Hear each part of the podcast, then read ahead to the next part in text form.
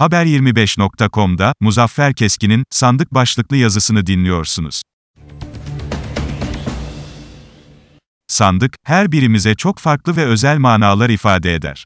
En değerli şeylerimizi önceden sandığa koyardık. Evlenen bir genç kız için çeyiz sandığının önemini ve anlamını bir düşünün.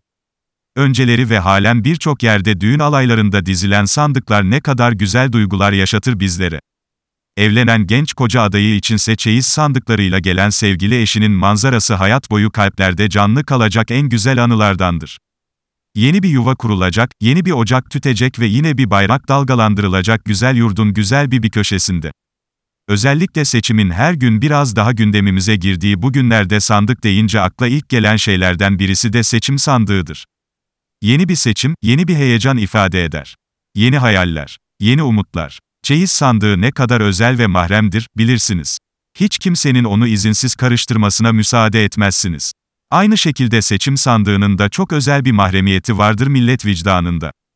Şahitler huzurunda ciddiyet ve saygıyla açılır ve milletin çeyizi olan oylar bir tören ciddiyeti içinde teker teker sayılır.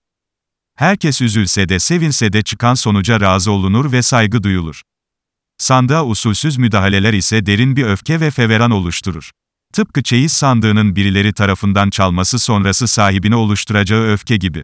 İnancımız ve ümidimiz odur ki, milletimizin basireti ve devletimizin şerefli, dürüst ve vicdanlı görevlileri tarafından son günlerde seçimlerle ilgili ortaya çıkan endişe ve korkular yerini mutlu sonuçlara bırakacaktır. Seçim sandığı hem milli çeyizimiz, hem de en kutsal emanetlerden birisidir.